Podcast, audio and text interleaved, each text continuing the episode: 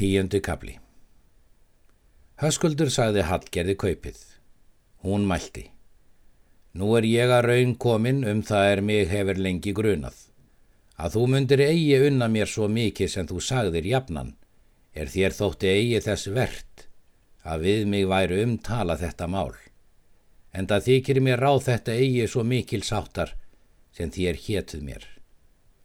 Og fannst það á í öllu er hún þóttist vargefin.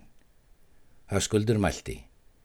Ekki leggja svo mikið við ofmetna þinn að hann standi fyrir kaupu mínum og skal ég ráða en eigi þú ef okkur skilur á.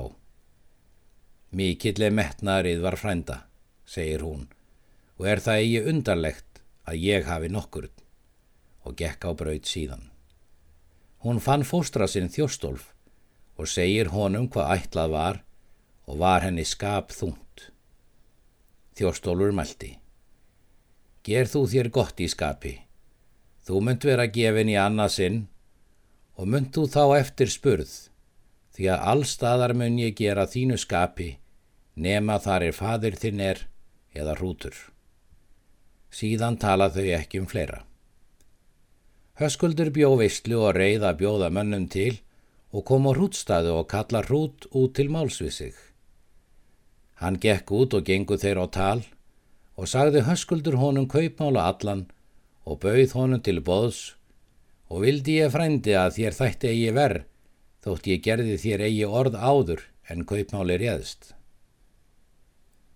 Betur þætti mér að ég kæmi hvergi nánd, segir Rútur, því að hvorugum mun í þessu kaupi gifta, honum nýja henni.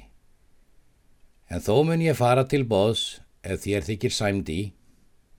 Það þykir mér víst, segir höskuldur og reið heim síðan. Ósvífur og Þorvaldur buðu á mönnum og var eigi bóði færre en hundraði. Maður er nefndur Svanur. Hann bjó í Bjarnarfyrði á bæ þeim er heitir á Svansóli. Það er norður frá Stengrinsfyrði. Svanur var fjölkunnugur mjög. Hann var móður bróðir Hallgerðar.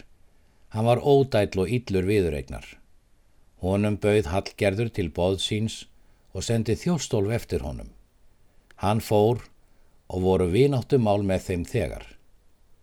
Nú koma menn til veislunar og satt Hallgerður á palli og var brúðurinn all kátt og gekk þjóstólfur jafnan til tals við hana en stundum talar hann við svan og fannst mönnum mikið um tal þeirra. Veistlan fór vel fram. Höskuldur leisti út fjö Hallgerðar með hinnum besta greiðskap. Síðan mælti hann til hrúts. Skal ég nokkur að gjafar framleggja? Hrútur svaraði. Kostur mun þér af tómi að eigða fjöð þínu fyrir hallgerði og lát hér stað nema.